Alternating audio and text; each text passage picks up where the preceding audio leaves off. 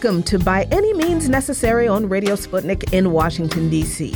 I'm your host, Jacquie Luqman, and as always, we're your guide to connecting the political, social, and economic movements shaping the world around us. And today on this special show, we're talking about the importance of correcting the false narrative of Thanksgiving with the real history hidden behind the lies, U.S. saber rattling against China over the Philippines, and we're having an early edition of the Red Spin Report where we talk about sports, politics, and struggle. And later on in the show, starting at 3:20 p.m. Eastern Time, we'll be opening the phone lines to you. But before we can move on, well, yeah, here we are at the big eating holiday, the big buffet day, the whose house are we having dinner at holiday.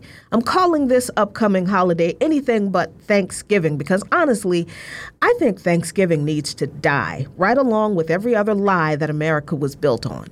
And it really shouldn't be hard to walk away from the lie that is Thanksgiving because this fake holiday that erases the slaughter of indigenous people who sowed the seeds of kindness and community into a bunch of greedy, selfish, and murderous European settlers occurs during the time when many countries around the world celebrate traditional harvest festivals of some kind. I was reading a great Medium post by Ausia R., who chronicled Thanksgiving traditions around the world, which is also published in Digital Global Traveler. She points out that Canada has a Thanksgiving of sorts, but its origin story takes place many years before the infamous American one. In 1587, English explorer Sir Martin Frobisher had been on a tough journey to find the Northwest Passage that would help connect Europe and Eastern Asia together for easier trading. Instead of making his way to Asia, meaning he got lost, he landed himself in Canada, but was so grateful he and his shipmates survived the journey that they had a feast. The holiday is celebrated every second Monday in October, but it's still not recognized as a national holiday in Canada, and there are several provinces in the country that still don't recognize the day as a legitimate holiday today. The Caribbean island of St. Lucia celebrates a harvest festival called Thanksgiving, like the American and Canadian holiday, but it's celebrated on the first Monday in October. This holiday is still relatively new in the country, so it's not widely celebrated just yet. However, many still love to enjoy the holiday in St. Lucia, and it's a bit more like a traditional harvest festival, as it is seen as a day to give thanks for the plentiful crops that were grown for that year. Since hurricane hurricane season hits the Caribbean islands pretty hard during the summer months, people are also known to give thanks for making it to the end of another hurricane season. The website Culture Trip gives us the top Thanksgiving celebrations outside America, with Thanksgiving in Liberia, Although this celebration was not patterned after the narrative of American Thanksgiving, it has many similarities with the more familiar American version since Liberia was a nation founded by freed African American slaves around 200 years ago. Celebrated on the first Thursday in November, the festival gives thanks for freedom and opportunity. After attending a church service where they bring along fruits that are then auctioned off, Liberians return home to enjoy a family meal, usually with chicken instead of turkey and cassava instead of potato. There is still tension, though, in the observance of the Liberian holiday to celebrate a freedom that Africans throughout the diaspora have not yet really achieved. A New York Times article from last year quoted Bilfena Yawan, an independent archivist in Baltimore, who said, quote, Thanksgiving? I don't know. It's always complicated for me. It gives an opportunity to celebrate and to engage in the food and be reminded once again of the festivities of our culture. On the other hand, she said, I know a lot of Liberians see Thanksgiving as a way to celebrate freedom. And even then, I question it because it's like, you wasn't free. We still ain't free. She ain't never lied. Onam is celebrated primarily in the southern Indian region of Kerala and is a Hindu harvest festival. It falls in August or September and it's dedicated to a king from regional Hindu mythology, King Mahabali, to celebrate his annual return from the underworld to visit his people. During the festival, it's common to make pookalam or flower carpets with symbols depicting aspects of Kerala life. It's also popular to participate in the Vallamkali, which is a boat race involving traditional Indian snake boats that are similar to rowing boats. The feast, known as the Onam Sadhya, includes delicacies such as banana chips, papadums, and various curries. Mmm, curries. I think my favorite has to be the festival of Homowo, which is one of the largest in Ghana and also one of the largest in Africa. It's primarily a festival of thanks for the yam, which is also the country's main food source. All praise the yam. It's celebrated mostly by the Ga people, who are known to have traveled across Africa and to have faced great famine before settling in what is now known as Ghana. The festival actually begins in May when seeds are first sown, when the main feast takes place after the harvest in September. Homowo means to jeer at hunger in the Ga language, and so common practice includes songs and music with lyrics and sounds that laugh in the face of famine. This year, I've decided that whenever someone says Happy Thanksgiving to me, I'm going to respond with Blessed Harvest Season to you. And when they give me that confused look or ask me what that is, I'm going to do two things. I'm going to tell them that Thanksgiving is really thanks taking, it's an erasure of the slaughter of the Wampanoag Mashpee Indians who sowed seeds of kindness and welcome only to receive death and theft from the selfish, greedy, and murderous European settlers. And I'm going to tell them, wouldn't it be better served asking ourselves, have we acted like those colonizers? Have we reaped a good harvest from what we've sown into the world this past year? Meaning, what seeds have you sown into the world? Good, loving, caring, welcoming seeds of healing and community? Have you sown seeds of fighting for freedom, liberation, or human rights for all people? Or have you sown seeds of hate and theft and dismissing others' struggle and pain for your own profit and comfort? And have we sown seeds into selfish people who have taken and given nothing back? Do we need to cut ties with some of those empty vessels who we pour and pour into and receive nothing in return, or who give nothing out of what they receive to others? Worse, were we the selfish people who have taken in return nothing? For me, you see, a blessed harvest is all about this work I do, this life I live as a radical revolutionary organizer. So I'll no longer celebrate a fake holiday that erases slaughter of the original people, and I will no longer try to whitewash it with a generic religious slant of giving thanks to God for blessings. But I'll be just as intentional with observing this time of year as I am with the organizing I do. This holiday for me will become my inventory of what I've put out into the world, what seeds I've sown and what that has produced, what the harvest is from those seeds, what I've produced from what has been planted in me. So, blessed harvest season, everyone. Now pass them yams. Follow Luqman Nation on patreon.com slash Luqman Nation for lots of great content and those are today's talking points, and you are listening to By Any Means Necessary on Radio Sputnik in Washington, D.C. I'm your host, Jacquie Luqman, and as always, we're your guide to connecting the political, social, and economic movement shaping the world around us. By any means necessary and let's definitely keep this conversation going. I'm happy to be joined by Brother Mwalim, professor of English Communication and Black Studies at the University of Massachusetts, Dartmouth, and member of the Wampanoag tribe. Brother Mwalim, thank you so much for joining me for this very special segment.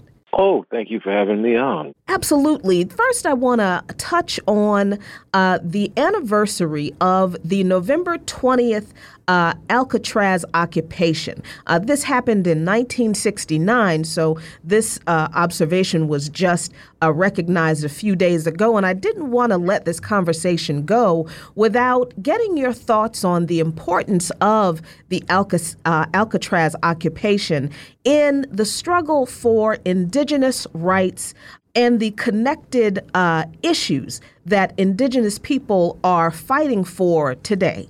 Oh, well, definitely. Well, you know, of course, what we have to recognize is the remarkable power, um, the intersectionality, if you will, of the Red Power movement and the Black Power movement. that were happening at this point simultaneously and the influences of the two. And one other thing is that the um, November 20th occupation of Alcatraz Island by indigenous people was actually the third occupation. The first time this was attempted was in 1964, roughly a year after they had closed the prison. There was another one that also took place in November of 1969 that lasted a couple of days. So the 20th, there was some um, there, there was some antecedent movement for it, but the occupation lasted from November 20th of 1969, and people stayed there until June 11th of 1971. So um, the occupation was a serious element. But one of the things that the um, occupation of Alcatraz did in terms of bringing attention to were the numbers of, of um, violations of treaties, violations of civil rights, but on top of the fact that these were violations of actual signed documents that were presented by the United States government to native tribes and peoples that they just blatantly violated, did away with. Um, it led the occupation led to about roughly almost 30 different pieces of self-determination legislation through the Supreme Court, through the government, related to sovereign tribes and related to um, the Bureau of Indian Affairs. One of the other things, by the way, that happened was the Bureau of Indian Affairs used to be under the War Department and was later moved to the Department of the Interior. So this was significant in that we were now no longer categorized as a hostile threat. So, you know, the, these were, um, these are some of the elements, some of the issues, you know, because when you look at this, Alcatraz Island is right out off the coast of, of San Francisco and Oakland, which of course is the birthplace of the Black Panther Party. So, but we were in, you know, one of the things that unfortunately history does not record is this level of intersectionality and this level of support. The reason being, um, as it was understood, we have to organize ourselves as ourselves before we organize with everybody else. So, there, but what you ended up with was a lot of interactive support. You had the Red Power movement later developing into the American Indian movement, which of course was interconnected with the Black Panther Party and supportive of each other. And the occupation had as well that background um, alliance, if you will.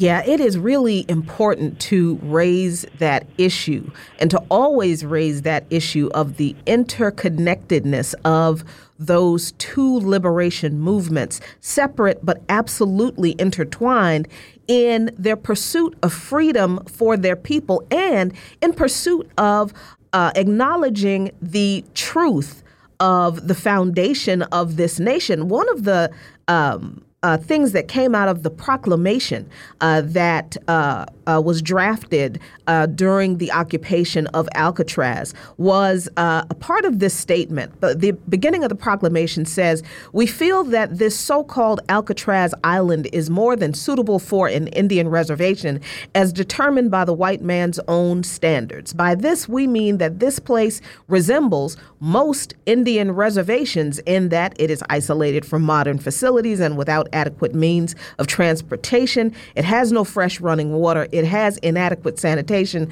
facilities. There are no oil or mineral rights. There's no industry.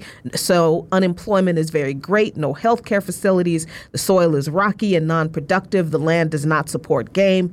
There are no educational facilities. The population has always exceeded the land base. The population has always been held as prisoners and kept dependent upon others. This is the, the description of Indian reservations that were allocated uh, to what was left of the indigenous people as they, as they were driven off their land. And they were also describing Alcatraz Island, and they end the proclamation with this statement Further, it would be fitting and symbolic that ships from all over the world entering the Golden Gate would first see Indian land and thus be reminded of the true history of this nation. This tiny island would be a symbol of the great lands once ruled by free and noble Indians Indians of all nations, the Alcatraz Proclamation to the Great White Father and his people.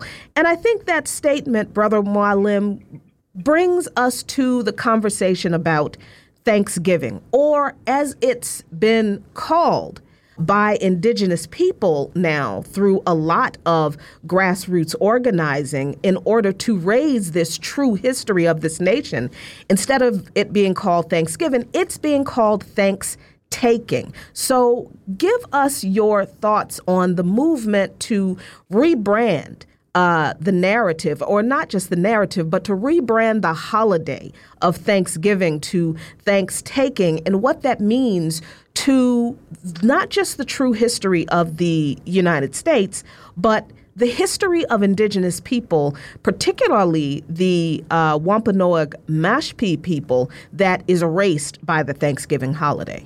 Well, one, to explain, uh, Wampanoag being the nation, Mashpee being the tribe in particular, um, let me share with you, we refer to it as the day of mourning, not Thanksgiving, but the day of mourning. We are not celebrating. It's the day of mourning the death of culture. It's the day of, well, I, sh- I shouldn't say the death of culture. It's the day of mourning the attempt to kill off a culture. It's the attempt at erasure. Obviously, they were not successful because I'm still here, my cousins are still here, my elders are still here. Um, we still exist. But uh, the thing, the, the, the true atrocity is the mythology that was created around this holiday. The first Thanksgiving, as they love to tell it, is that the um, pilgrims were having a harvest feast, and some Indians showed up, and they had a communal feast, and thanking the Indians for helping them survive. And that was the first Thanksgiving. That was not true at all. The first uh, meal that this is a reflection of was a fact of they were indeed having a harvest feast. They were firing muskets. And some members of the local community showed up and to find out what were they firing the muskets for. And the Europeans offered them food because they were like, if we offer them food, they won't become hostile, not realizing they were not going to become hostile at all. It was just, what's going on? Why are you firing guns off? So that was the situation there. Where the atrocity goes further is we move forward to the um, to Massasoit, who was otherwise known in history as King Philip. When we move forward to Massasoit's war, Massasoit was captured, as as was his family. His family was sold into slavery in Bermuda. He was beheaded, and his head was placed on a pole in the middle of uh, what's now Post Office Square in Plymouth. And it remained there in excess of 20 years, a head on a pole. These are people who are calling people savage, but they put a quote unquote savage's head on a pole. When you look at the flag for the state of Massachusetts, you will see on the flag there is an Indian. That is Massasoit. And when you look above his head, here is a big white arm wielding a sword. So the state flag of Massachusetts is a depiction of the execution of Massasoit. That, by the way, the victories of Massasoit's War and the victories of the Pequot War led to the sanctioning of the first Thanksgiving feast. So the first Thanksgiving feast that was actually sanctioned under the United States government, or what I should say the antecedents of the United States government, at this point still the colonies, um, the first Thanksgiving sanction was actually about the slaughter of Native people, not about any communal meal. The subsequent celebration of Thanksgiving on a national level was sanctioned by Abraham Lincoln. This was on the heels of him staging the largest mass hanging of Native people in American history at that point. I believe it was 30 or 40 Native people, men, women, and children he had um, hung by the neck sanctioned this. Shortly subsequent to that Thanksgiving meal, this was um, basically a meal celebrating more so soldiers than anything else. Now, Thanksgiving as we know it now is was basically introduced by Macy's. It was to create a countdown. So you know, the, the math. The last Thursday of the month is always going to be this many shopping days till Christmas. So we create this story of the pilgrims. We create this story of the Indians. And of course, the Indians don't have a name in terms of tribe, nation, or anything like that. They're just the Indians. You have the pilgrims, you have the Indians, and you have the story of this communal meal that took place on Thanksgiving. You have Macy's that created the Macy's Thanksgiving Parade. You have the Thanksgiving Parade that's always capped off with Santa Claus. And it leads everybody right to the front door of Macy's, where they now have 29 shopping days until Christmas. And they can go, and the children can go inside and ask Santa Claus for what they want wrapped up in a neat little package of capitalism and consumerism. I, I, I really do love that that that you cap that off that way, uh, Brother Marley. Well, well, to point to point out the further support of this whole concept, this is where we now end up with, if you remember the movie Miracle on 34th Street, which is further support of the whole, you know, that movie opens with the Thanksgiving parade, and of course is about how the real Santa Claus went to work at Macy's. Wow. you know, so. this country and its capitalism, I am always surprised at the depths to which the depravity uh, uh, will dip in order to erase human suffering and to make money to profit off of both the suffering of other people and the erasure of that suffering. I, I think it's noteworthy that um, a part of the actual history of the encounter with the first people and the settlers was that the first people came to see what are y'all over here shooting off some guns for, and the the whole idea of white people just shooting off guns in celebration. I, I just think that carries over uh, quite interestingly into uh, the gun culture that exists in this country today. But the issue uh, around the National Day of Mourning, and, and I shouldn't say the issue, the activities around the National Day of Mourning are organized activities that do raise not just this history that uh, the powers that be have tried to erase, but also brings attention to the ongoing struggles of indigenous people that have been born out of the attempted erasure of this history. So, can you give us some more insight into the National Day of Mourning and how people can uh, participate and support um, if they are unfamiliar with the uh, activities? Oh, certainly, certainly. Well, every year, and this began back in the um, 1970s there's been an organized movement of people who, where there's been a march in Plymouth on the day of mourning on that last Thursday of the month, um, organized by Native people and of course allies and supporters. But this is the this has been the day of mourning march for um, you know well over 50 years. Originally um, organized by Mr. James, who was of the Aquinnah Wampanoag people. And this, uh, in terms of things that have happened, by the way, in the history of this event, um, one of the famous ones is people going and spitting on Plymouth Rock. The other thing that took place at one of these um, observations was somebody stole Plymouth Rock. It ended up on the back of a truck and it was well out of Plymouth by the time the police arrived. And uh, this was, of course, back in the days before radar and GPS. So, yeah, they made a clean getaway. The rock that, by the way, so the rock that's there now isn't even the rock that had been there historically. The other thing around, by the way, when we talk about the mythology, the Plymouth Rock has always been a symbol of supposedly this first rock that um, the European uh, colonists put their foot upon. You know, that that's one of the stories is that when they first landed, set their foot upon this rock, and this is now Plymouth Rock. That was based on oral history of somebody's uncle remembering somebody's great grandmother, remembering somebody's great grandfather said that this was the rock. And that's what they went by. But it's always been based around a ridiculous mythology because let's look at the history of um, of the nation and of the colonies.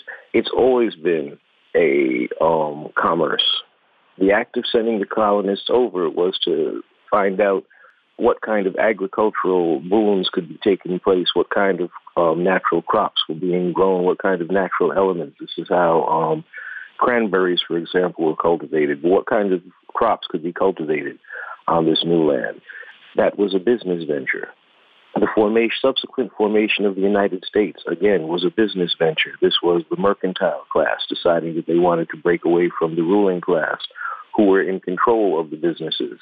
You know, this whole thing of we want liberty, we want peace. No, we want to make dollars with it. We want to make money. That's what it was about. Name anything that involves or has been produced by black or brown people in this country that is not a commodity or not viewed as such. Consider our arts and our culture are all commodities. The fact that it's not viewed as, you know, um, the only place where jazz, or I should say, jazz and blues are viewed as art forms not because of the United States. They're viewed as art forms because of the appreciation shown to them by Britain, France, and nations in Africa. This is what reinstated the notion of them as art. Other than that, it was, it's purely been based in commodity. How much money can you make? How can you buy it? How can you sell it? This is why we're not encouraged to have musical traditions. Instead, we have friends. So there's the commodity factor. Well, this take this back to the entire structure of the interaction has been around commodifying. Yeah, so, you know, how can people participate in uh, this year's National Day of Mourning uh, as they try to take a departure from uh, the traditional uh, Thanksgiving uh, that is built on, you know, the tradition of lies that were created uh, by here in the United States. Well, I'm, I'm sorry because I departed from that point. My apologies. But the um, for as I said, for example, there is the observance that takes place in Plymouth, Massachusetts, every year on the last Thursday, um, the National Observe holiday. There are observances that are led in Washington D.C. by local Native activist groups. One of the things people can look up on the internet now is who's organizing uh, which rally in their area. There are native um, organizations in virtually every city. What kind of, you know, beyond just observing um, the day of mourning, but what kind of alliance can be offered? What kind of alliance can be created with the native organizations in your area, with the native people in your area, with the native governments in your area? this would be even this would be the strongest form of support that could be shown. Absolutely. And if we are not raising the issues of uh, the potential overturn of the Indian Child Welfare Act, the issue of missing and murdered indigenous women, girls, and two spirit people, the ongoing anti colonial struggles in Puerto Rico, and clemency for longtime Native American political prisoner Leonard Peltier, if we're not raising those issues all of the time in our organizing, we are not in solidarity with indigenous people. Want to thank you so much, Brother Mwalim, for joining me today for this very important discussion on the true history of uh, indigenous people as this holiday approaches. We're out of time for this segment, but we will be back on By Any Means Necessary on Radio Sputnik in Washington, D.C. So please stay with us. By any means necessary.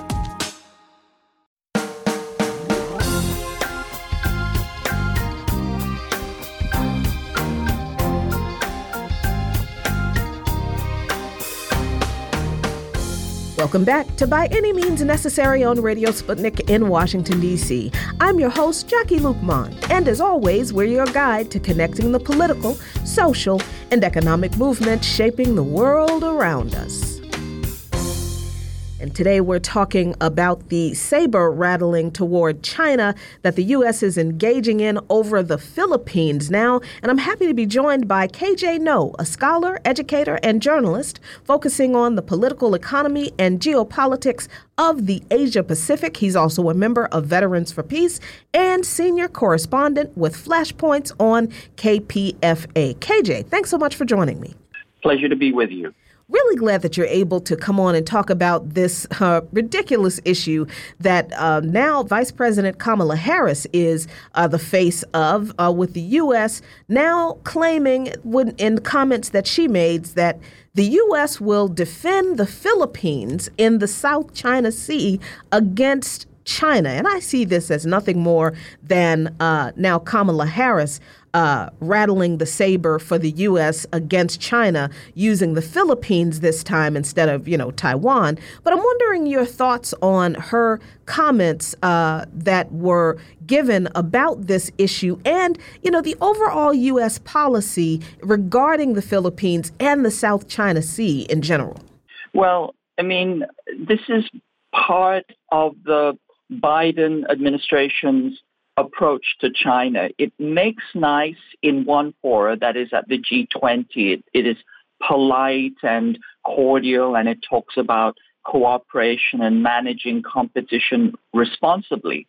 And then immediately afterwards, it switches Jekyll and Hyde like into more aggression, uh, more rhetoric, and more denunciation. And this is very, very, you know, harsh denunciation. It's very, you know, very, very escalatory, but it is, frankly, uh, it's it's complete and total BS. So she says something like, when the international rules-based order is threatened, uh, it is threatened everywhere. Now, let's take a note at the international rules-based order. That is a fraudulent term that the United States has invented because it doesn't want to use the word international law. There is a thing called international law, and the U.S. is a flagrant violator of it. It, it simply runs roughshod over it all the time. And instead of that, it counterposes this term called rules based international order, which essentially means what I want, the rules of U.S. hegemony, which change from day to day uh, depending on the U.S.'s mood and needs and desires. And so she talks about this and says that, quote unquote, China is violating. There's no such thing going on. China and the Philippines were on good terms. They were managing their relationship well until the United States inserted itself into the relationship around 2015 by creating this fraudulent tribunal which was an arbitration that China did not agree to, and used that essentially as a form of warfare to delegitimate China and to create friction. And it did that because it had uh, a U.S. quisling government in there that was willing to go along with this escalation that the U.S. is trying to provoke with China in the South China Sea because it sees the South China Sea as a choke point where it can choke out China and destroy its economy. And by creating friction there and the potential of war, the U.S. Uh, calculates that it will uh, reduce China's economy by 25 to 30 percent. So this is more of the same, more provocation, more uh, escalation, and of course, more Jekyll and Hyde behavior of the United States. And Kamala Harris is playing that role uh, to a T. Yeah, and it seems to me that the the issue that uh, prompted these uh, comments, where uh, Kamala Harris also said, "We will continue to rally our allies and partner against unlawful and irresponsible behavior. Um, well, the unlawful and irresponsible behavior seems to have been uh, an issue that happened before her visit to uh, the island of, Palawan. Uh, when the Philippine Navy claimed that a Chinese Coast Guard vessel had forcibly seized Chinese rocket debris that Filipino sailors were towing to their island. I don't see what was unlawful or irresponsible uh, irresponsible about the Chinese Coast Guard um, taking debris from their own rockets. But I mean, what is Kamala Harris talking about when she means when she says unlawful and irresponsible behavior that she's alluding to China committing? You know, it's unclear, but, you know, it's probably somehow related to, for example, the idea that the Chinese have built, uh, you know, installations in the South China Sea. Well, actually, uh, all of the claimants, except for one, that is five claimants out of the six claimants to the contested areas of the South China Sea, they've all built installations, including airfields. So China is nothing special there. Uh, as for, you know, fishing, same thing. All of them fish in each other's territories. And as for, you know, this re- reclamation of debris, well, I mean, China, it's China's debris. I mean, shouldn't they have the right, you know, to clean it up? So it's not clear what, uh, uh, you know, um, Vice President Harris is referring to. But I think that it's just more of this kind of uh, looking around, fishing for some kind of provocation, something to denounce China uh, for. And it fits in with this administration strategy of what is called COIN. This is the strategy that they developed for Afghanistan, which is that we uh, abuse you and then we make nice and then we abuse you and we make nice. And it's this constant pendulation between, you know, good cop, bad cop. And Kamala Harris is currently playing the bad cop routine because that has been her whole career, essentially being a cop and a bad cop at that. Yeah, definitely true. Now, of course, the United States uh, will provide to the Philippines $7.5 million in maritime law enforcement aid uh, to allegedly strengthen their capacity to counter illegal fishing. And, uh, you know, again, this, this idea of what the United States determines uh, to be illegal in waters that they actually have no jurisdiction in is very interesting. But more importantly, for the Philippines to carry out sea surveillance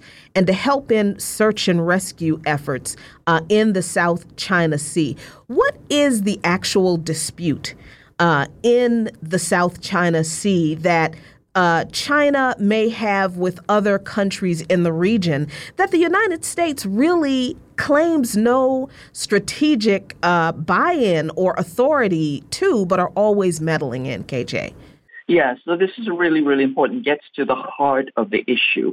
What it boils down to is the U.S. has a plan to take down China, and it understands that the uh, South China Sea is a choke point or a, a bottleneck for trade for China. It understands that $5.3 trillion of Chinese trade and 70% of China's fuel travels through the South China Sea. So in 2015, RAND, under commission from the U.S. military, uh, war gamed this out and says that said that if we start a war, or if there is a war in the South China Sea, we don't have to win it. Simply the fact that there is conflict in that area will shut off trade moving through that area, and this will cause a 25 to 30 percent decline in China's GDP. So this is one of the key choke points or the key vulnerabilities that they have understood regarding China. China's response to this was to build the Belt and Road and to go overland. And that is also being contested and challenged, for example, through the disturbances uh, regarding Xinjiang. But essentially, in this geopolitical standoff, what the U.S. did in order to quote unquote bolster its case was it created a fraudulent arbitration. And remember, arbitration only works if both sides agree to the arbitration. China did not agree to the arbitration, but the U.S. used the Philippine claims on certain islands, contested claims, which you know, many, many countries also claim the same regions or many, many areas. The claims uh, bisect, trisect, quadrisect. But essentially, the U.S. took the claims between China and Philippines and said, we are going to have this mediated through uh, a paper, uh, a paid for uh, you know, mediation tribunal. China refused. They said, you know, this is within our rights, within UNCLOS, to refuse the mediation because we have other processes going on. The U.S. forced the mediation through anyway, and then they played the counterparty, the prosecuting and the counterparty, and then all of a sudden, miraculously, they declared China was guilty of violating UNCLOS. Well, here's the other problem. The United States does not adhere to the United States Convention on the Law of the Sea. It is, as I said, it does not believe in international law. It is an international outrider, outlier to international law. And that's why it always talks about the rules-based international order, which is something completely different. So this dispute has to do with the U.S. trying to turn that area into a theater of war and it has to do with the fact that yes, there are long-standing, existing, you know, uh, you know, conflicts around who owns what part and which areas, and you know, whose whose economic zone this, uh, that, or other, you know, area of the uh, sea belongs to. Those issues were being mediated one by one between China and all the other countries in an amicable way until the U.S. decided to come in and create this lawfare strategy, escalate the conflict, and then using that as a pretext, use it to engage further in military escalation, and therefore you see this, you know, uh, cooperation with the Philippines creating more military uh, exercises, and the U.S. doing FONOPs through the South China Sea, and uh, essentially turning not just the Philippines, but Taiwan and Korea and Japan, all of these into an extended arena or theater of war with which to encircle and attack China. And you know, KJ, what do you make of the fact that uh, Kamala Harris is uh, seeming, well, not seeming, she is making deals on behalf of the United States government with uh, Ferdinand Marcos Jr., who I think it's an understatement to say that he and his uh, father before him have consistently violated the human rights rules based order of the people of, Philip, uh, uh, of the Philippines for decades, all in a bid to, as you point out, encircle China. What do you make of the U.S. not having a problem making a deal with someone like uh, Marcos and the legacy that he has um, to, you know, uh, stoke a war and aggression against China? Well, you know, it's a reversion to type. The Philippines has always been a U.S. client state. During the Duterte administration and a short time before that, it looked like it was spinning a little bit out of that orbit, but it's fallen right back in. And the Philippines, along with South Korea and along with Taiwan Island, these three islands or three three areas were traditionally in Asia. These were the kind of axis of military fascist dictatorships that were all aiding each other and doing the U.S. bidding, serving as proxies and client states for U.S. geopolitical agenda, in particular in anti-communism. And for example, you know, the Taiwanese were, uh, you know, training uh, D'Aubuisson, who was, you know, the genocidal uh, killer in El Salvador. Ferdinand Marcos uh, was helping uh, Korea, you know, with its dictatorship the Koreans were sending, you know, 320,000 troops into Vietnam. And so this is kind of a real axis of fascism, of military fascism. And what we see here in the, you know, the uh, Marcos, uh, you know, regime is a reversion to type, that it's coming back into its traditional role as a U.S. outpost of empire. And I think that is, you know, horrific, and I think it's uh, tremendously escalatory and it's tremendously damaging to the interests of the Philippine people themselves. Absolutely. The U.S. is doing its typical actions, uh, acting as the provocateurs, uh, meddling in people's business where it really does not belong. But thank you so much, KJ Noh, for joining me for this segment. We are out of time. We'll be back on By Any Means Necessary on Radio Sputnik in Washington, D.C. I'm your host, Jacquie Luqman, and as always, we're your guide to connecting the political, social, and economic movement shaping the world around us by any means necessary.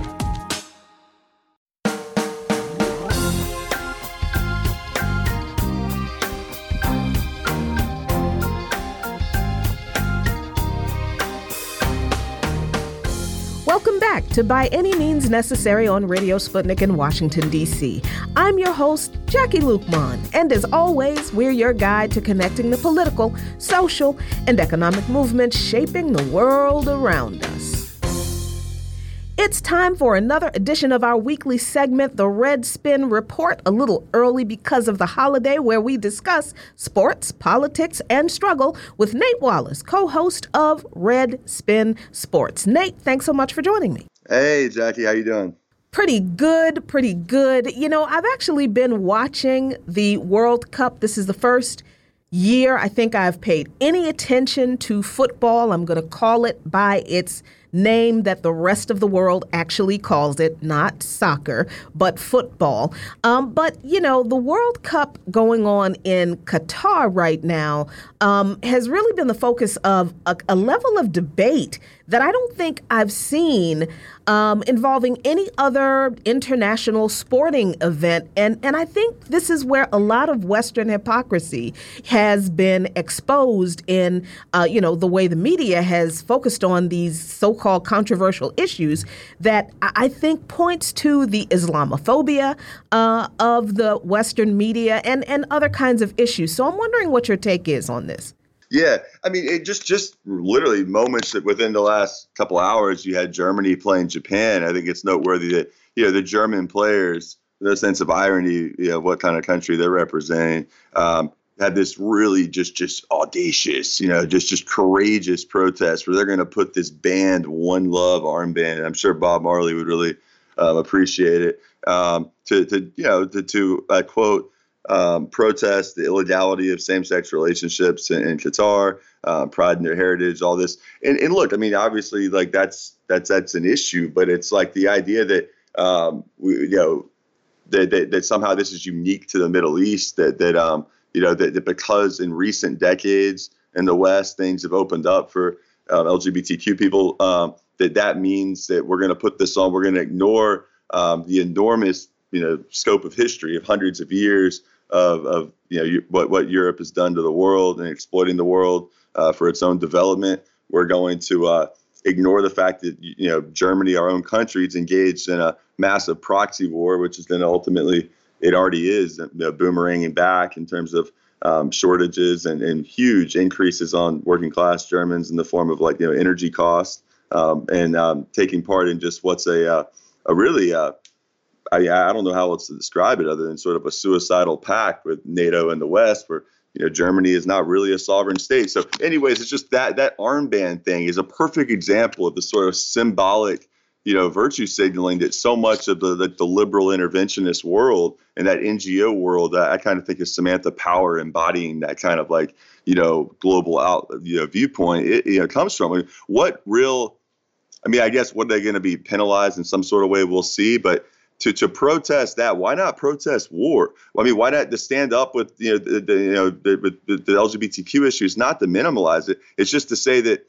if we're engaged in you know going after Qatar, then I mean, why is it that Saudi Arabia and the UAE? I saw something you wrote recently. Um, you know, escapes all kinds of scrutiny on this issue.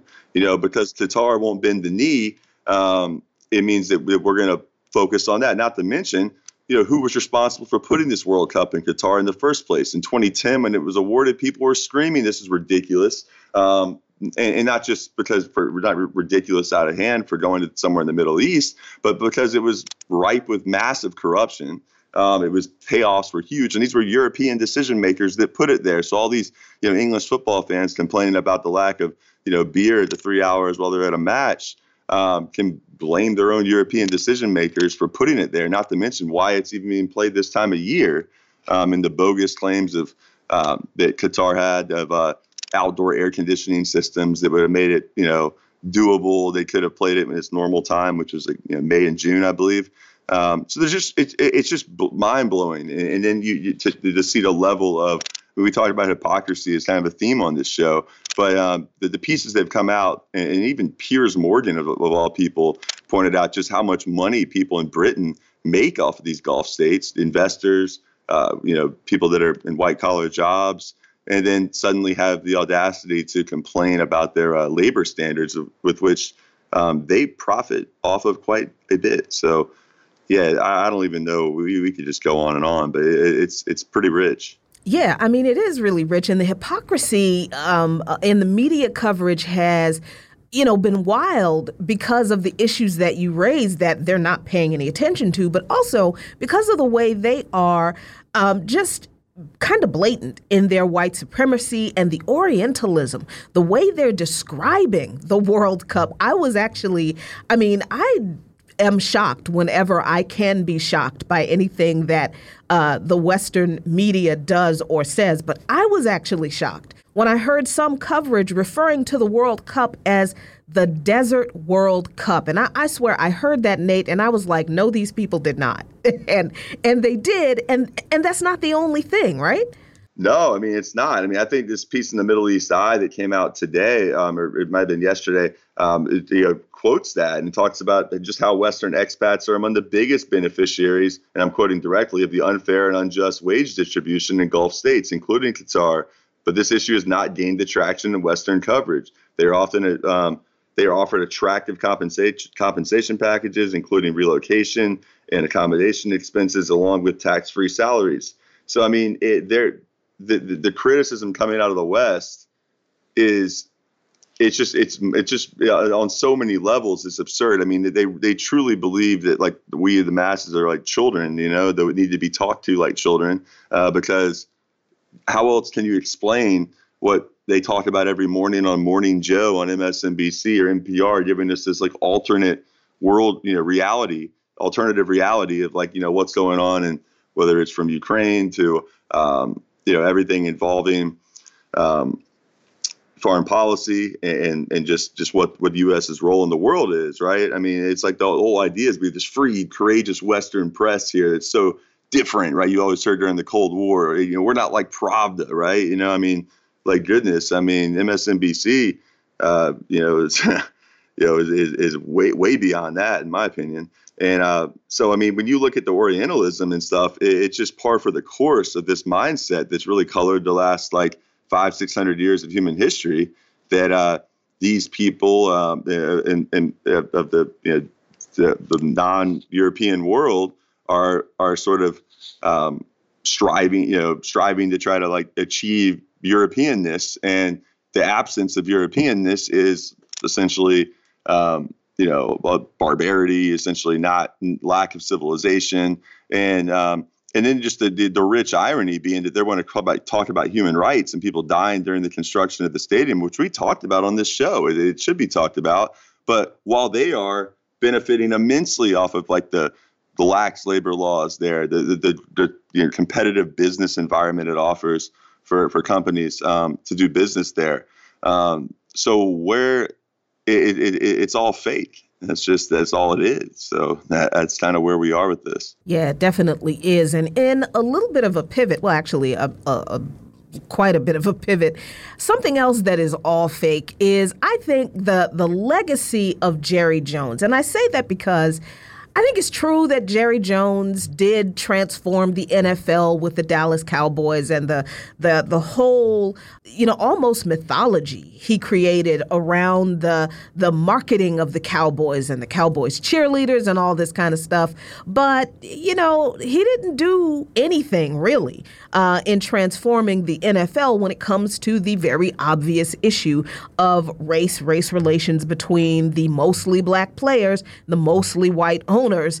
Um, so I don't think there's never uh, not a good time to dump on Jerry Jones. So I think this is that time. Nate?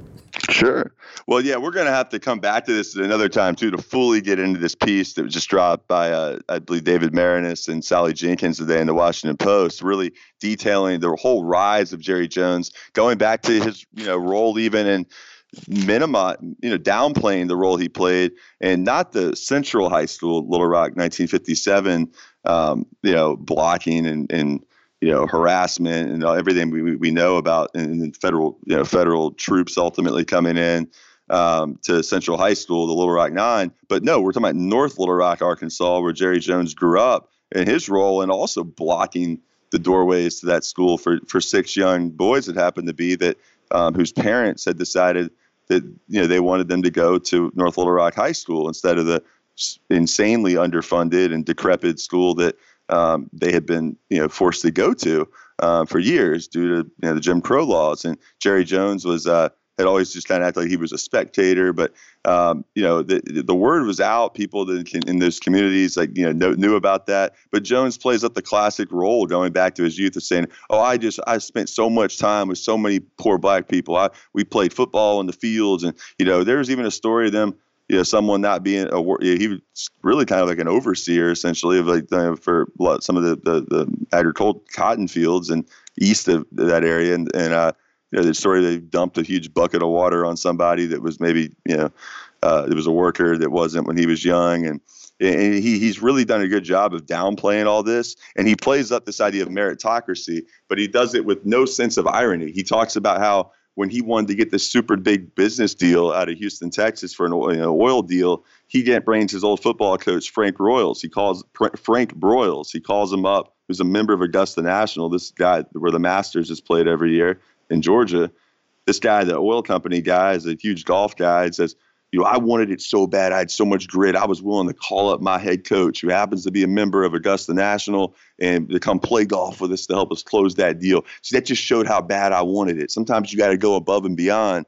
To which, uh, you know, some of the black um, former assistant coaches in the NFL that were interviewed um, were, were responded like, "Well, I don't have a you know Frank Broyles in my contacts or people I can go." Set up golf with at Augusta National, and it's like that, it's almost as if that's completely lost on Jerry Jones. Um, he truly thinks that if you have enough grit, drive, determination, um, then it, it, it, works its way out. And, and his thing is that you got to go and find a way. He cites Emmitt Smith as an example of someone who wanted to come in and, and, and watch him work and see everything he does and learn um, about that, and now he's gone into business with him and whatnot. But when it comes to his coaching hires, he just doesn't believe in the Rooney Rule, and he says it straight up. The rule in 2003 adopted to uh, require minority coaches at least be interviewed because he says his hirings are based on relationships. So uh, there's a lot more we can get into with, with, Jones. I think need to, given his influence on uh, contemporary American society, um, that, really, uh, you know, was you know, you know, done a great. I mean, we're really. I mean, Jenkins and Maraniss did a great job of exposing uh, this morning in this morning's Washington Post. So I'd really encourage people to read that, and maybe we can discuss it more in depth at a once people have time to digest it because it's uh, it's a lot of revealing stuff and it's pertinent. And I think it's very timely considering we are undoing the narrative of Thanksgiving in this country, the lie that that is, I think it's timely and fitting that we undo the narrative of the lie of Jerry Jones and his uh, a remaking of NFL football in some type of altruistic way that hides the racism underneath it. But we're out of time for this segment. Want to thank Nate Wallace so much for joining me, but we will be back on By Any Means Necessary on Radio Sputnik in Washington, D.C. So please stay with us. By any means necessary.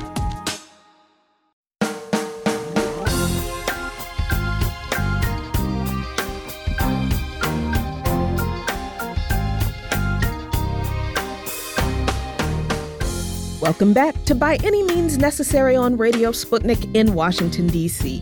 I'm your host, Jacquie Luqman, and as always, we're your guide to connecting the political, social, and economic movements shaping the world around us. Oh, yes, my friends, it is Thursday, November 23rd. It is Thanksgiving Eve.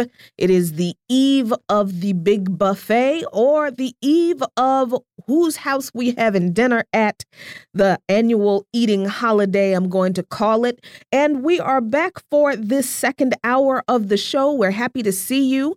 Uh, you can call us in 20 minutes at 202 521 1320. That's 202 521 1320. But that is not the only way you can reach out and touch us here at By Any Means Necessary in Washington, D.C. You can listen to our shows at SputnikNews.com slash radio. Click on the plus sign and type in by any means necessary. You can also hear us on Sputnik.mave, that's M A V E dot digital, and you can listen live on your radio dial at 105.5 FM and 1390 AM in the Washington, D.C. area from 2 to 4 p.m. Eastern Time. And we're streaming for your viewing pleasure on Rumble right now. That's rumble.com slash C slash BAM necessary. The chat is live. And remember, friends, at 3.20 p.m. Eastern today, you can call us at 202-521-1320. That's 202-521-1320. But wherever you are in this world and however you do it, we want to hear from you. We most certainly do. We most certainly do. And I am most certainly happy to welcome on to this inaugural Blessed Harvest season show. Our friend Maximilian Alvarez, editor in chief of the Real News Network and host of the podcast Working People. Max, thanks for joining me and uh, blessed harvest season to you. Hey, Jacquie, thank you so much for having me back on. Great to hear your voice. And yeah, happy harvest season to you as well. Thank you. Thank you. I, have decided that I'm going to be proactive this year in uh, um, disavowing all things Thanksgiving, perhaps except for some of the food and you know really focusing on uh, as an organizer you know what i'm putting out into the world the harvest of my actions what i'm doing what's been uh, you know deposited into me what i've learned what what that has grown in me and i think you know you being on the show um, really is right in line with that because this holiday season we are seeing more grassroots working people uh, fueled uh, and focused organizing toward unions, unionizing. There are pickets, there are strikes, uh, massive strikes looming on the horizon. You have been, uh, as editor in chief of the Real News Work uh, Network, and definitely as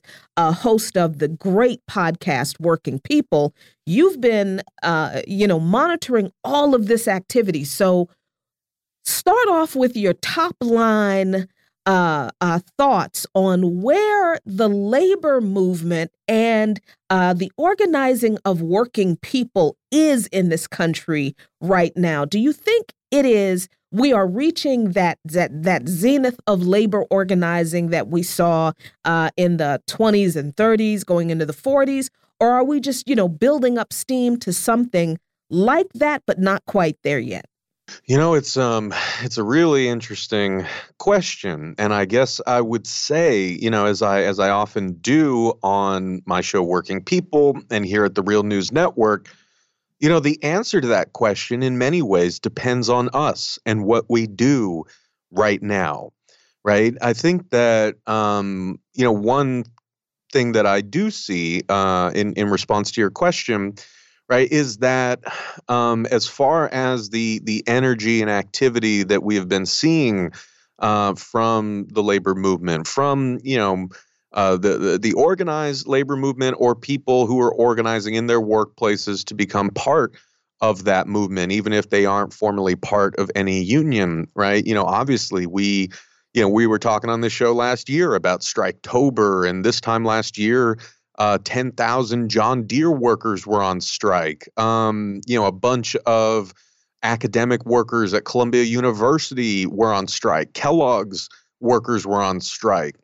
Uh, coal miners at Warrior Met Coal uh, had been on strike since uh, May earlier in that year.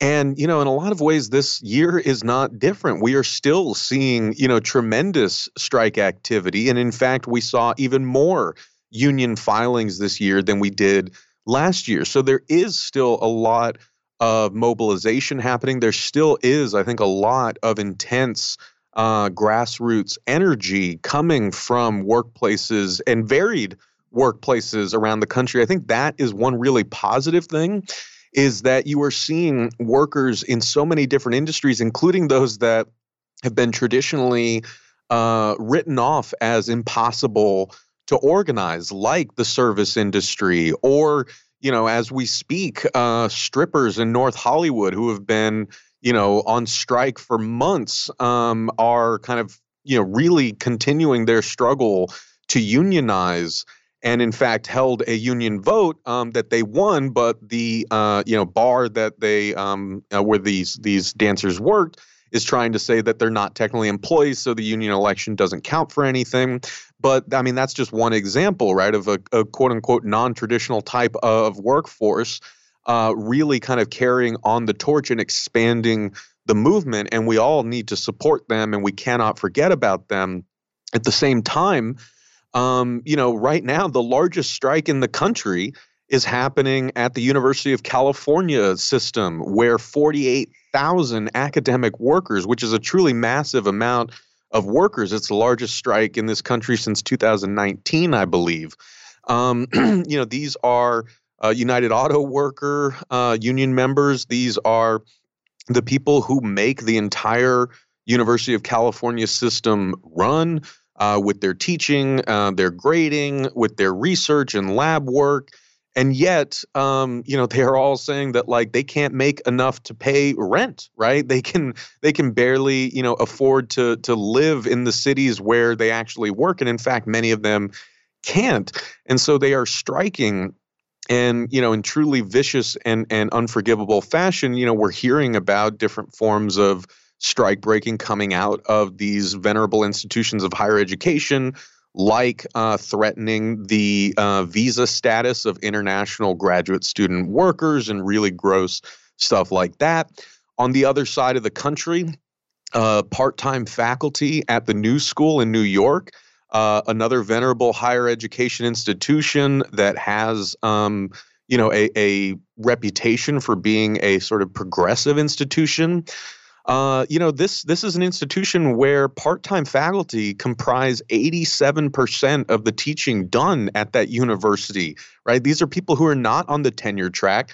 These are people who make uh, you know, uh, even compared to um, similarly sized institutions in the area, they're making less than what a typical adjunct would make. And as uh, Miles Hamburg reported in a great uh, text article that we published at the Real News um, the day before New School faculty walked out on the picket line, I mean, they are contending with just a Rube Goldberg style system that is like designed to uh, pay them as little as possible to make it as hard as possible for them to actually uh, get and retain their health care benefits. Uh, a lot of them are, you know, don't know like how long they'll even be able to teach at the school. Um, because, you know, if you teach for a certain amount of time, then you start to get these kind of seniority benefits. And so instead of just giving those uh, well earned benefits to workers who have been teaching at the school for a number of years, the school starts like uh, scheduling them for fewer classes and even kicks them off and doesn't assign them to new classes and just brings in new batches of, of part-time teachers. The point being is that you know these these workers are part of that movement you know and and they see themselves as part of that movement and so do other workers like right now i'm just so uh, angry, as I always am, when I see people trying to divide the working class, trying to put sort of conditions on who counts as a true worker. Is it is it you know uh, again coal miners in Alabama uh, who are still on strike?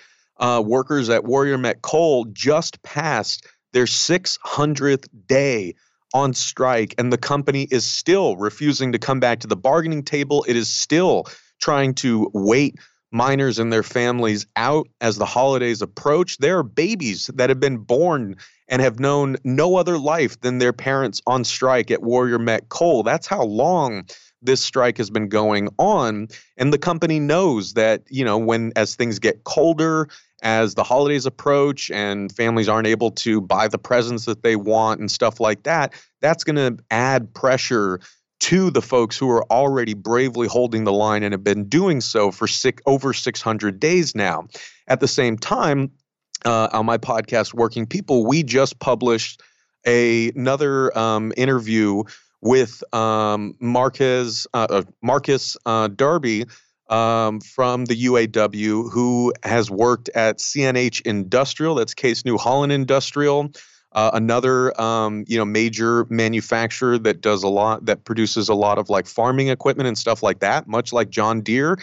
And um, they've been on strike since May, so they just are crossing, are about to cross the seven month threshold, um, being out on the picket line. The company there is also refusing to come back to the table. They they refuse to kind of uh, uh, uh you know change the the quote last best and final contract offer um, that they submitted to the union back in September. And so, like Warrior Met Coal, they're out there trying to kind of wait out these families who just want a fair contract and want to get back to work. The point, the reason I bring all those um, different strikes up is because uh, Marcus uh, Darby on that interview, you know, this is this is that guy, right? He's one of those guys that the media loves to paint as like this is what a real worker looks like. This is a guy in Iowa you know, a big, burly, bearded guy at an industrial manufacturer. This is what the working class is. And then on the interview that Marcus and I recorded and published at Working People,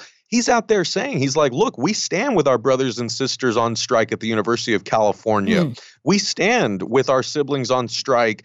Uh, and, and, at Starbucks locations, La- just last week there was the Red Cup Rebellion, where reportedly over a hundred Starbucks stores across the country uh, where workers walked out on strike to protest Starbucks's vicious, deliberate, uh, uh, and scorched earth uh, union busting campaign um, that it has been waging to stop the historic uh, Starbucks Workers United Union wave uh, at Starbucks locations around the country. And so that is also really significant because uh, another trend that we're seeing, Jacquie, is that, you know, every, it was a year ago um, that the first Starbucks store unionized in Buffalo, right. almost to the day. And since then, you know, we've seen this incredible number of stores file for union elections. The vast majority of them have won those elections. I think we're over 250 Starbucks locations that have won their union elections fair and square. Um, but what we have seen as a troubling trend is that, you know, the the number of new petitions for union elections has dropped dramatically in the second half of this year. Why? Because workers are seeing what Starbucks is doing to these people. They are firing union organizers for the flimsiest excuses they can find.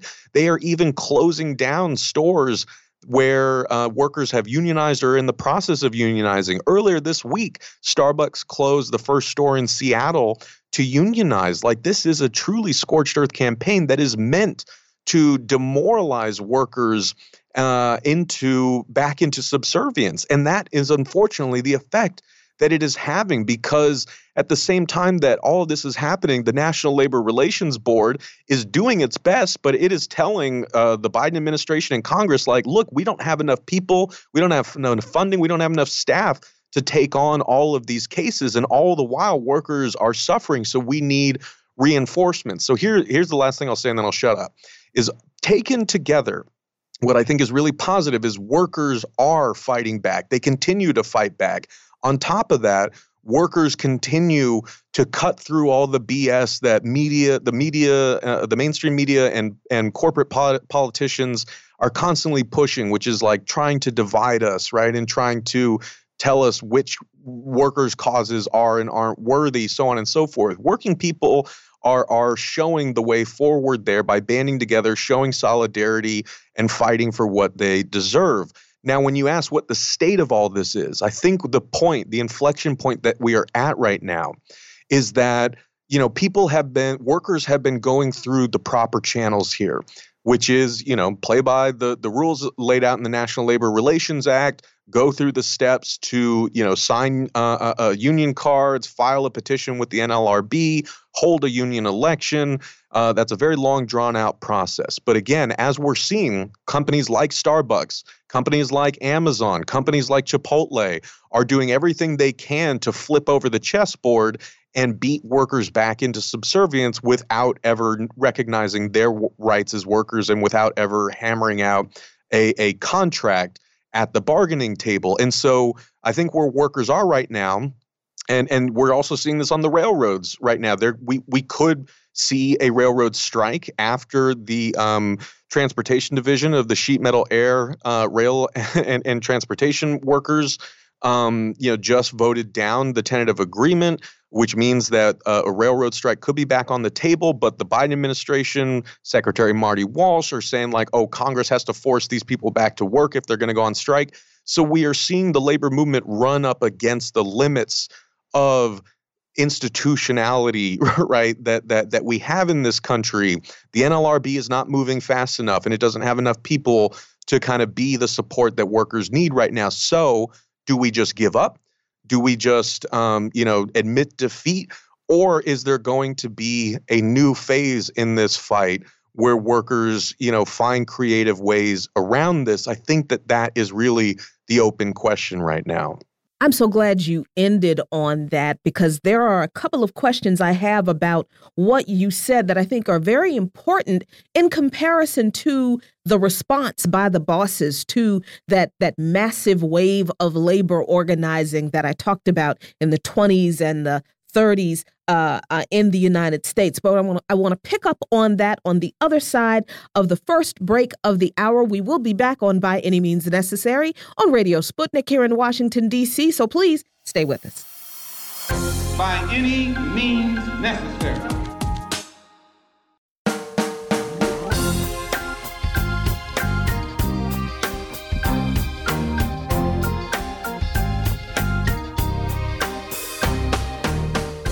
Welcome back to By Any Means Necessary on Radio Sputnik in Washington, D.C. I'm your host, Jacquie Luqman, and as always, we're your guide to connecting the political, social, and economic movement shaping the world around us.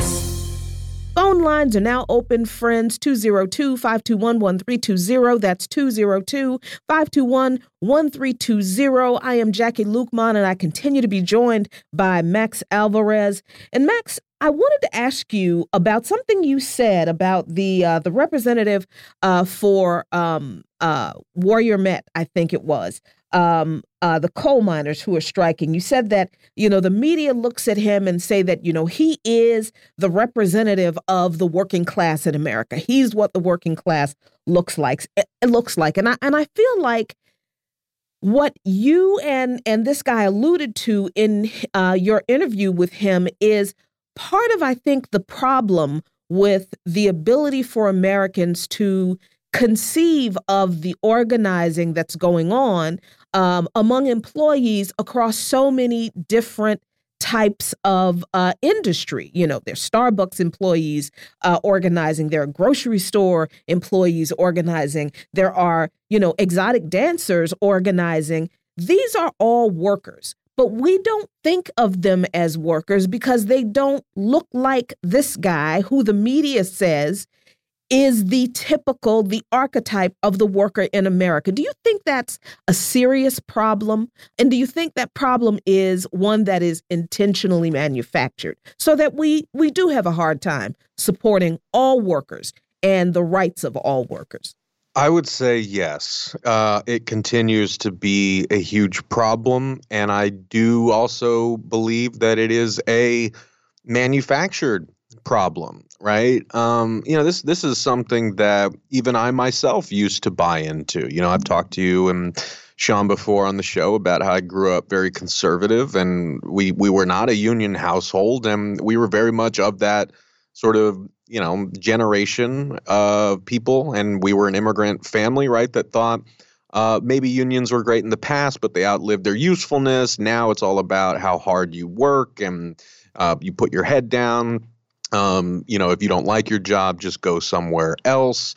Yada yada yada. Right? There's so much uh, ideological garbage that is kind of shoved into our brains in this country that it's actually a very long it can be a very long and drawn out process to sort of deprogram yourself from that um, but i think that that process is uh, accelerated significantly when you stop listening to uh, you know corporate pundits and politicians uh, ventriloquize the working class and actually just talk to uh, your fellow workers yourself right? Um, you know it's like like that's that's really in a lot of ways the antidote um, because one of the ways that the ruling class is able to continually manufacture this ideological fiction that there are certain deserving groups of workers that are more uh, working class than others, right? Who, whose jobs, you know, are are more deserving of respect than others. You know, Martin Luther King uh, famously said, "All labor has dignity." right? And and I think that you know that is really as simple as it gets, and and really where we need to align ourselves, and because you know I I promise everyone listening that you will not gain anything by participating in these games whereby you know we, we, we divide up the working class and support some sides over others right the people who ultimately benefit from that most are the bosses who do not have your best interests in in mind or at heart, right? Their their collective goal is to stop, you know, uh, the working class from actually uniting and rising up uh, as a collective class conscious group to assert its needs and put you know its demands on the ledger of society's priorities right? If you're able to keep working people immiserated enough so that they're too tired and exhausted and broke to actually do anything to change their circumstances if you continually convince people that their fellow workers are in fact the enemy and not the bosses and not you know the the fascists you know like trying to stoke uh, you know fears about uh, LGBTQ people or trying to take away the rights of people who can give birth right? Trying to take us back centuries into you know the, these kind of hierarchical social orders right? That is what we're up against here and the only way to combat it is by building that solidarity because if we we have way more people than they do we there are more of us than there are of them but we are constantly divided and, and if we are participating in the process of dividing ourselves we're going to be that much weaker in combating uh, the people whose boots are literally on our necks right now. And yeah i think that you know you can see evidence of this all over the place um, so the the the guy that i mentioned before the break um, so this was the the UAW worker Mark uh, Marcus um, Darby who works at uh, CNH Industrial in Iowa. Um, and they produce like massive, you know, uh, uh like combines, right? These, mm. these ma- major machines that farmers are using and all that stuff. Um, so you know, as a as a UAW member, right, he was very much expressing solidarity with his fellow UAW members in the University of California strike right now. But yeah, even beyond that, you know, he was saying, look, like I don't care if you know. Uh, a, a, large percentage of these Starbucks workers are, you know, queer or you know non-binary, right? And that's being used as a as a or that they're Gen Z and millennial and that that's being used as a cudgel to convince people that these workers are not real workers and you shouldn't sympathize with them and they should lose their fight to uh, improve their workplaces and have more of a say in their workplaces. Like that's all bs and workers like marcus can see right through that. And they can because anyone with with you know any experience with this stuff knows that even if you have managed to convince yourself that Starbucks workers are not real workers and that their fight is not as important as, say, the strike at Warrior Met or CNH Industrial. If you believe that, like what I will tell you and what workers at Warrior Met Coal and workers at CNH Industrial will tell you as well is that their companies, just like every other company, is watching what Starbucks is doing right now.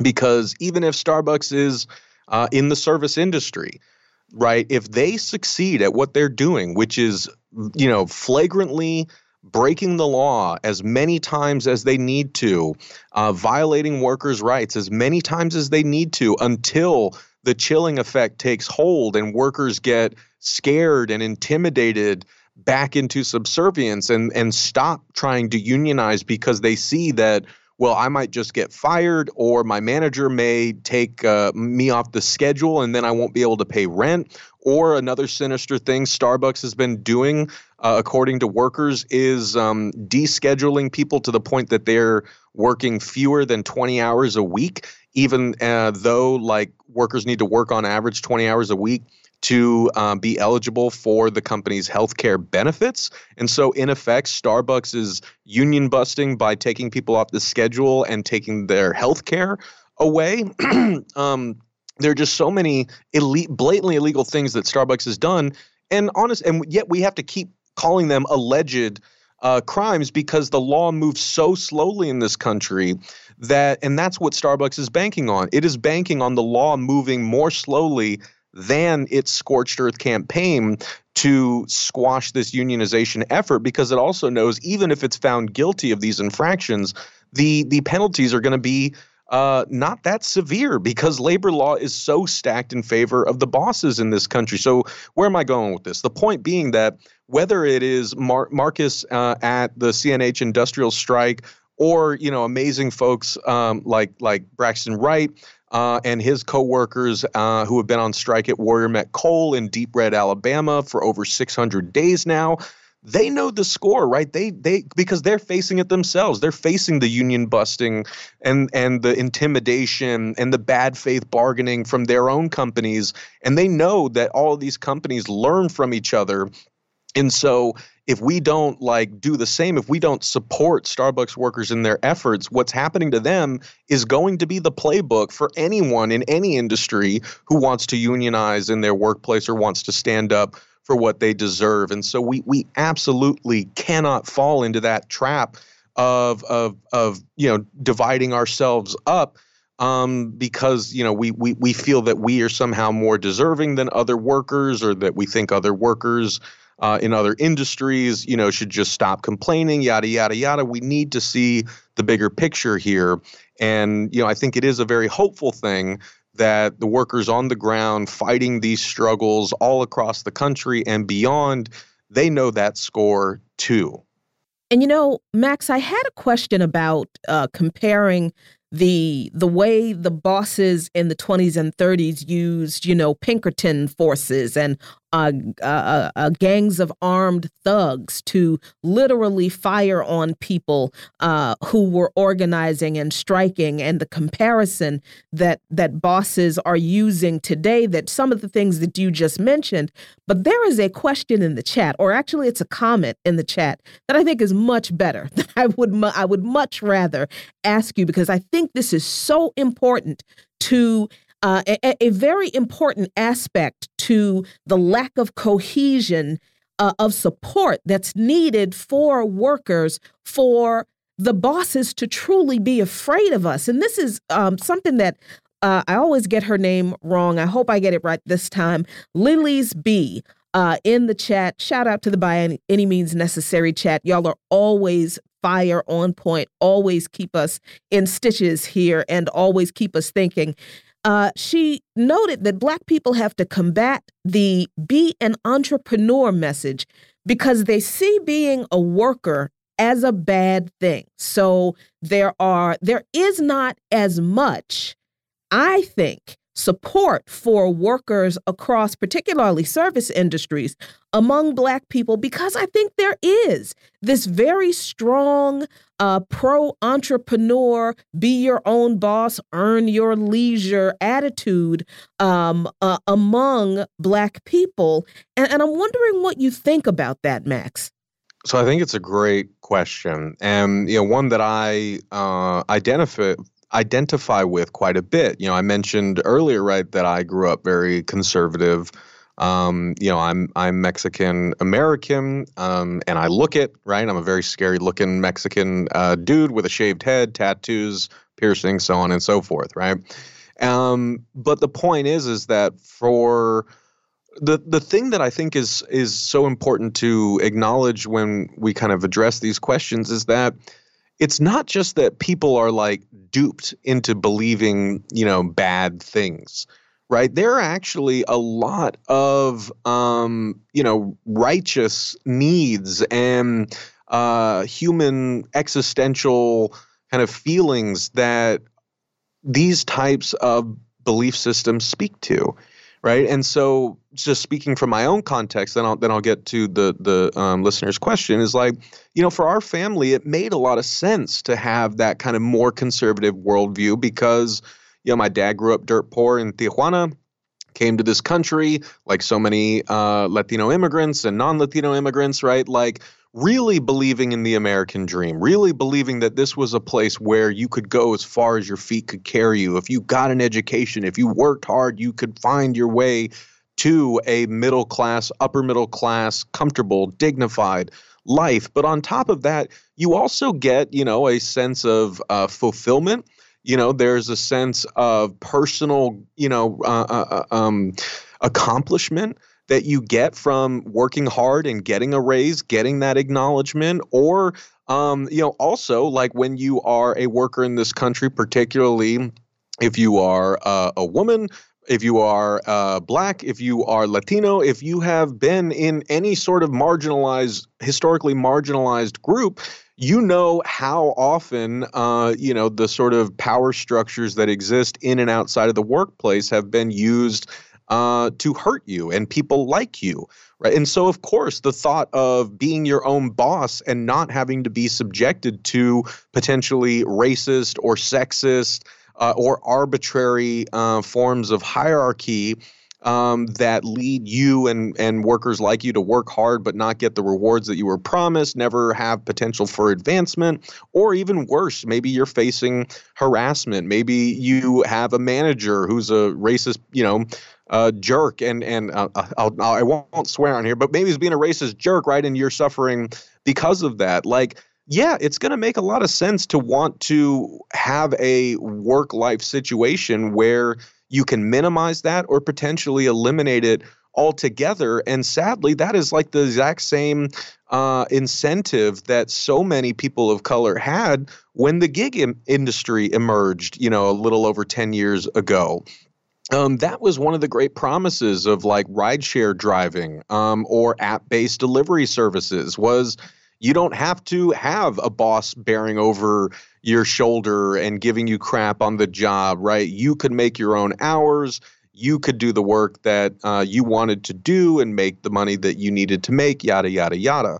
And sadly, what we have seen based on the gig economy's model is what Bernie Sanders famously called a race to the bottom, which is hurting a lot of people of color um, and you know people who were were uh, drawn into this industry because they had very good reasons to want to be their own boss because they had very real and justified motivations for uh, wanting to do this work, but yet they got caught in a trap that was laid for them by profit seeking companies that have made it very clear that their ultimate goal is to, you know, suppress workers' take home pay as much as they can possibly get away with. Um, to, you know, essentially, yeah, like uh, have these uh, black boxed algorithms determine everything that you do um, and to put all of the burdens and costs and risk on uh, these these poor gig workers who have been written out of labor law and can't even organize into a formal union the way that the industry is currently set up, right? So it, it's one of those sinister examples. And in fact, I remember during the rideshare strike that happened, I think it was a year and a half ago uh, I actually interviewed uh, a, a, really amazing rideshare driver for Lyft um, in San Francisco, uh, who himself is is black, and described the gig economy as the evolution of Jim Crow. Right, so like he he directly draws the link between you know these past forms of historical uh, immiseration of the black working class um, to the kind of new age version of it, which is just having the same effect, right? It is keeping black people, people of color, queer people, marginalized people who may not have as easy of a time finding a path to a comfortable, dignified existence through other forms of employment. If they see in the gig economy like some sort of opportunity to do that, um, but yet these tech companies are rigging the game so that you know people who have good intentions, people who do work hard, people who do have an entrepreneurial spirit are get caught in this uh, mousetrap that leads to them having uh, to work longer and harder for less pay as time goes on and fewer worker protections.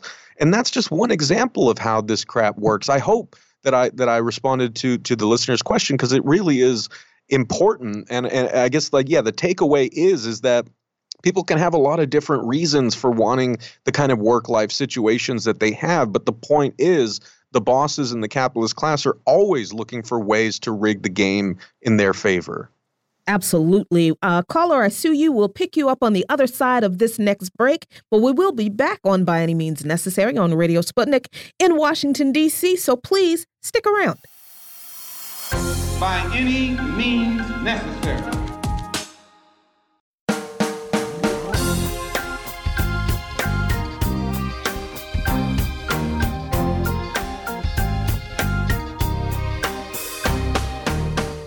Welcome back to By Any Means Necessary on Radio Sputnik in Washington, D.C. I'm your host, Jacquie Luqman, and as always, we're your guide to connecting the political, social, and economic movement shaping the world around us.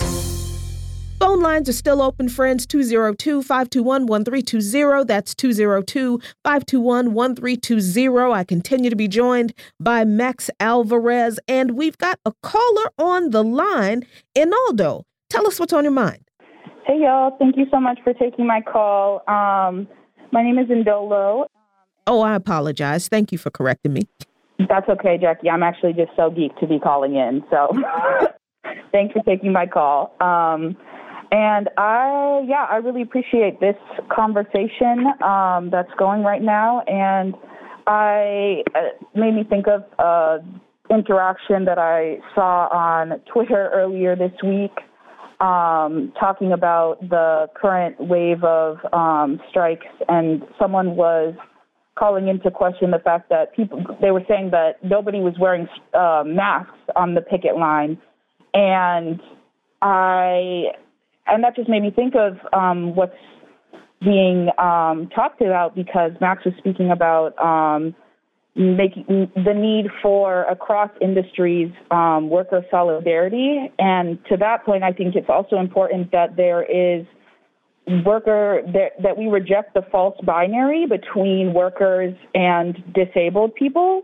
Mm. Um, because that binary only serves to further divide two groups that are not inherently separate and have interests in working together, especially in the context of the ongoing uh, pandemic. And speaking of the immiseration of the working class, um, that also has to be connected to the dangerous and unsafe working conditions that people are being forced to to work inside of with no pandemic protections in place um, that is also contributing to the mass disablement and death that we're experiencing here, and that people are going to find that there is really uh, an unequipped, our health system is completely unequipped to handle.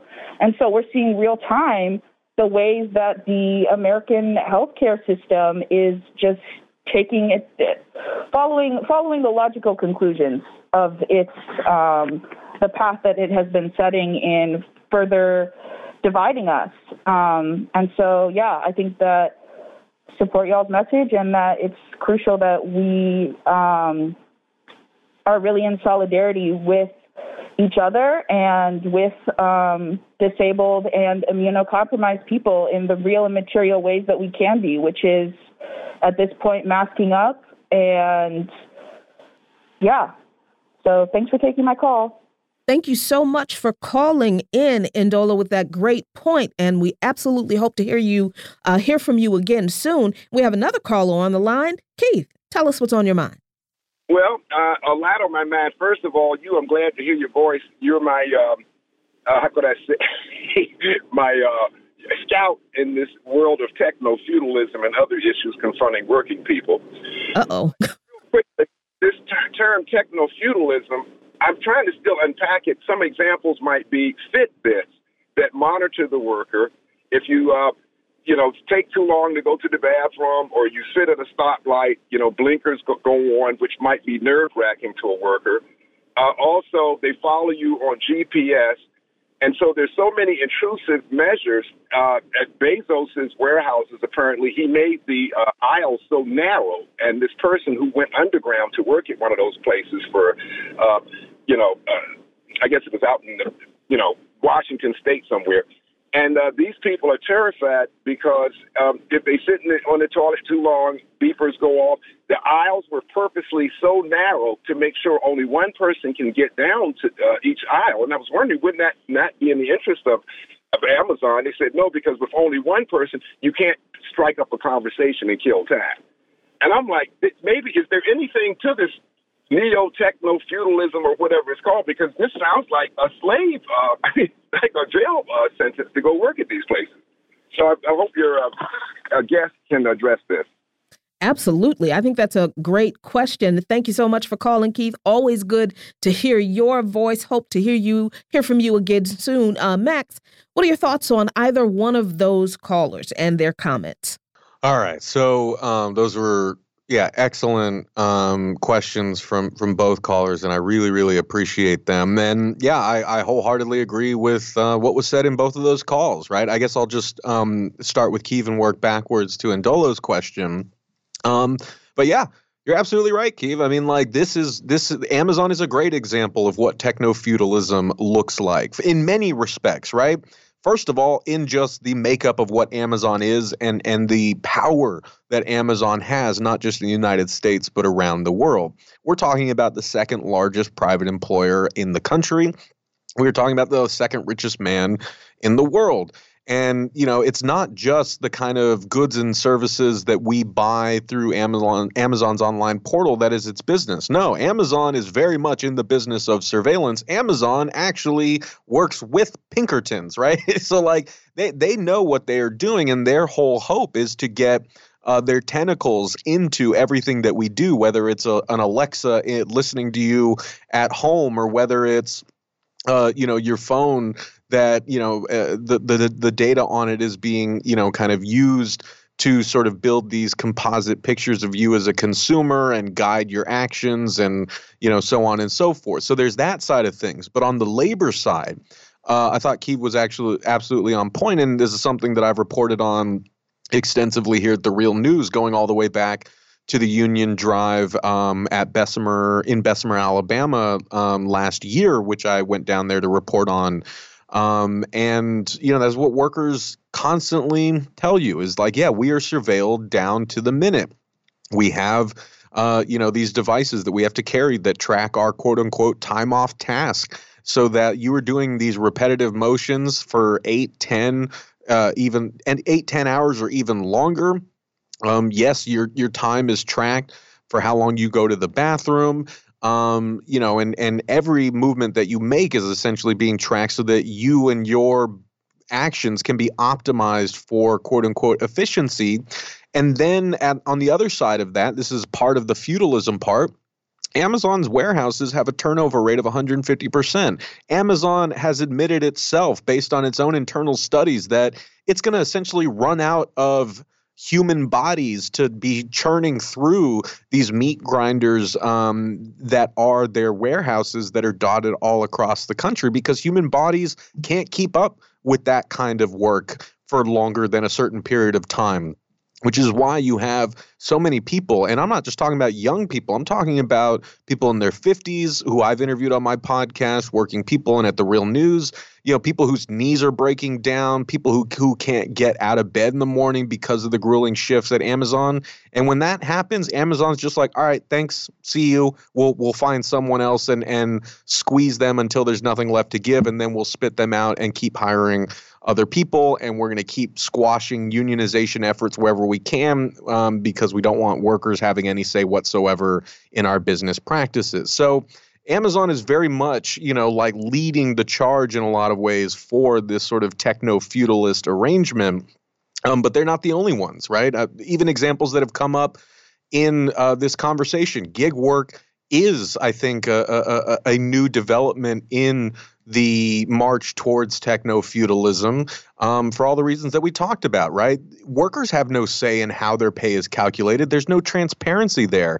And in fact, like when companies like Shipt or Instacart or Uber Eats decide to change their algorithms, which results in workers, you know, like having less take home pay at the end of the week, there's nothing they can do about that. They have no say over that. And at the same time, these algorithms are de- determining uh, every action that a worker has to take, like which store they should go to to pick up the orders, uh, what route they should take. Uh, and if they deviate from that at all, their points get knocked, which could result in them getting kicked off the platform. So you have these kind of machines or, or algorithms kind of controlling people and contributing to the working classes' continued immiseration, their their lower take home pay, their greater uh, degrees of surveillance. Uh, uh, uh you know, even um, UPS workers. You know, I reported on UPS. Uh, drivers uh, in these package cars, like you know, dying from heat stroke over the summer when we were experiencing like these record heat waves. UPS deliberately takes the air conditioners out of those trucks. But I'll tell you what those trucks do have they have cameras all over the front cab so that workers are being surveilled the whole time that they're working in these, you know, uh, uh, uh basically ovens on wheels where the back of those package cars can get up to 150 degrees. So, like, surveillance is a huge part of what the capitalists are doing. And it translates to the horrific conditions that working people in so many different industries experience. And I think the hopeful thing is that you're seeing more workers fight against that kind of surveillance uh, and find kind of ways around it. But it's still very much uh, a tool in the boss's toolkit that is being weaponized against us in myriad ways. And I have a response to Endolo's question, but I don't know if we needed to pause for a break or anything. no, no, go right ahead. Okay, so um, I yeah, so so I guess to refresh people's memories, this was about uh, a kind of debate that that um, you know was was spurred online when uh, workers, as I said, the largest strike going on in the country right now is 48,000 academic workers at, across the University of California system. And we're talking a massive university system, right? Each campus, like UCLA or Berkeley, is like a mini city unto itself, right? and so these picket lines are massive right and and the shows of solidarity have been incredible we've seen teamster truck drivers refusing to cross picket lines we've seen academic speakers say i'm not going to give my talk while this strike is going on because that's crossing a picket line we've seen tenured faculty say you know what we're not crossing a picket line either, right? Which is really heartening to see because normally tenured faculty, uh, you know, are so easy to pit against like graduate student workers and stuff like that. So anyway, this is the context in which Ndolo's question was raised, right? Because there was a debate that that came about about um, whether or not these these massive picket lines um, were uh, attending to the needs of um, you know disabled people who wanted to show solidarity with the strike or attend the strike uh, or anything like that. Um, perhaps it's because people saw pictures of you know thousands of people assembled outside, but still, you know, you could find a lot of people who weren't masked, uh, and that became kind of like the the, the main target for people saying like, you know, I'm not going to support this strike because it's not uh, because you know all these people aren't masking, and so it's it's not you know attending to the needs of disabled or immunocompromised people. So, what I would say is first and foremost, as with everything on Twitter, right? There is a very sort of skewed vision that you get of reality when you are viewing it through a computer or phone screen. And so I, I, this is not to excuse, right, you know, large groups of people where there are no masks. Uh, I'm sure that has happened. And I, I do know that uh, a lot of people on the ground in, at the University of California strike are raising this issue. I've talked to a number of them myself, and what they have told me uh, are a number of things. First, they said what we would like to emphasize for people is that in many ways, this strike grew out of workers fighting for their safety and the safety of their disabled and immunocompromised coworkers because so much of what we saw over the past two and a half years, especially in the realm of higher education, were these top down decisions made unilaterally by overpaid administrators um, saying like everyone's going back into the classroom like you know that th- this is what we're doing because this is how we're going to keep you know tuition revenue coming in. This is how you know we're going to keep people in the dorms. And you saw just so many instances of schools shutting back down because there were outbreaks and people got sick people died there was long covid. Like the stakes are really really high of what we're talking about here. But what workers in higher ed and in so many industries learned during the past two and a half years was hey if, if administrators are going to try to push these very consequential top down decisions on us and we don't have a say in it, that's a big problem. And so, in so many of these strikes, uh, including the one at the University of California, in many ways, the, this what we're seeing now in the 48,000 people on the picket line, like that grew out of people at their workplaces in the University of California system saying, hey, we want more of a say in the COVID safety policies, which are directly harming us, our colleagues, especially our disabled and immunocompromised colleagues. So that is part of the story here. And that's the first thing that strikers at the University of California keep telling me when that issue has been raised.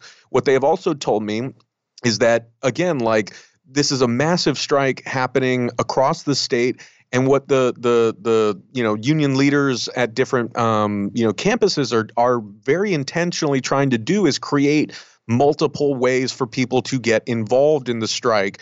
If you are able and comfortable to go there in person and stand and march on the picket line that's great but they are also looking for ways that people can participate digitally if they are unable or uncomfortable to do that. There are tables that I've seen at different campuses. I've seen at least three that where pictures were posted. I think it was at UC Berkeley, UCLA, and UC San Diego, where there are multiple tables of people encouraging everyone to mask, offering free masks and stuff like that. So I would just caution people against sort of taking one picture of a strike that you see and then pretending like we all know that that what is happening across a strike that encompasses 48,000 um, people.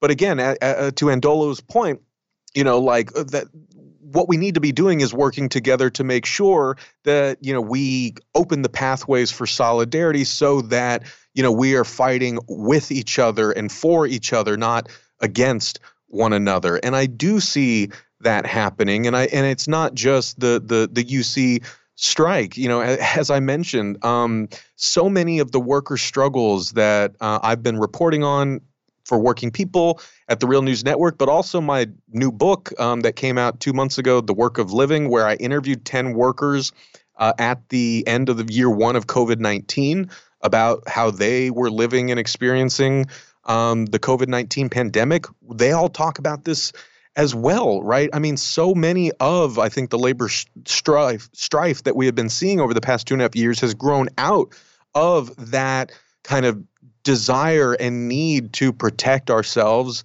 and our fellow workers and our family members, especially those who are most vulnerable.